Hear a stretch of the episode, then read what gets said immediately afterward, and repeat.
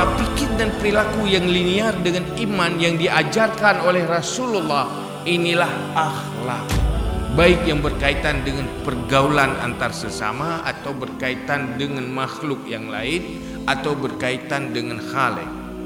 Munyo uronyo jangankan memiliki akhlak menafsirkan akhlak secara benar dan tepat pun masih dipertanyakan. Tira urung mekat Ged gelayani konsumen urung mulau Gebi fasilitas tempat Gebi makanan Gebi minuman Ged pelayanan ke konsumen. Yang membuat konsumen itu menyenangkan. Apa itu akhlak? Dalam Islam belum. Itu adalah pertukaran kepentingan. Dan contoh Orang berkata baik bersikap baik, menyenangkan. Kenapa?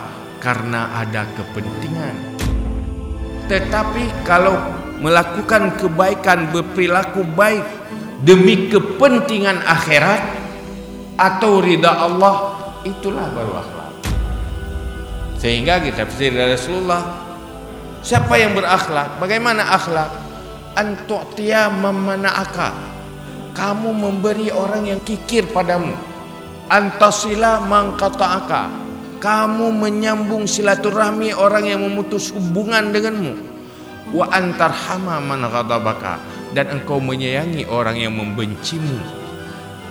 Nyantawai menyayangi orang yang menyayangi kita banyak orang bisa. Memberi kepada orang yang memberi kepada kita itu juga banyak orang mampu. Menyayangi orang yang sayang kepada kita itu gampang. Tetapi menyayangi orang yang membenci kita itu tanpa akhlak yang benar tidak mungkin. Sayang dari hatinya sayang. Kan pura-pura. Dia kan ada pura-pura abis itu sehingga hatinya bersih dari segala sifat-sifat muhlikat. Tetapi inilah yang krisis di dunia sekarang. Kehidupan uronyo akhlak yang naik itu menjid kan watai luanyan hanali hali hari. Hanali syurga dan neraka.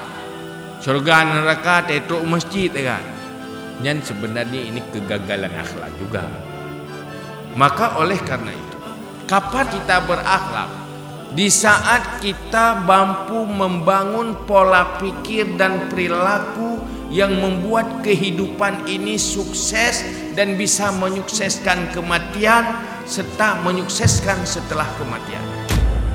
Terbangun sebuah kesadaran pemikiran, terbangun sebuah sikap dan perilaku yang mampu menyukseskan kehidupan dunia dalam arti yang sebenarnya, baik kehidupan pribadi, keluarga, atau lingkungan kita. Apa kesuksesan kehidupan yang sebenarnya? Hidup yang sukses adalah hidup yang menyukseskan kematian. Mati yang sukses adalah mati yang menjadikan kuburan itu pintu syurga. Di saat kita bisa hidup seperti itu, dipastikan kita sudah berakhlak. Untuk hal semacam itu, indikasinya kita sudah sukses atau gagal periksa dulu dalam hati kita. Kita orang cinta dunia atau cinta akhir.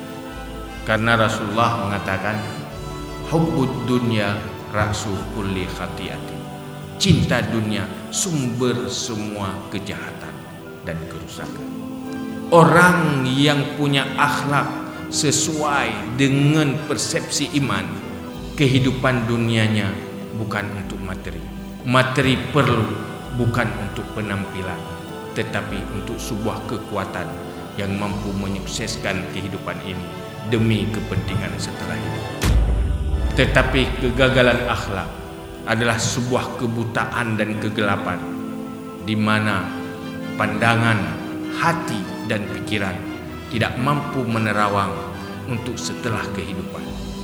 Hidup selalu lupa mati. Dunia seakan hanya sebuah penampilan. Iman mengajarkan kepada kita materi fasilitas dunia bukan untuk penampilan tetapi untuk sebuah kekuatan yang bisa memperbaiki hidup dalam arti yang sebenarnya.